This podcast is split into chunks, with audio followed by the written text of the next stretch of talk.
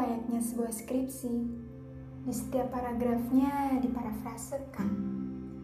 Tidak bisa dipaksakan. Nanti hancur berantakan. Karena terlalu sama dengan apa yang diinginkan.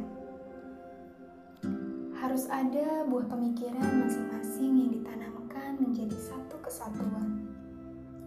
Namun tidak mengurangi keindahan yang terpendam.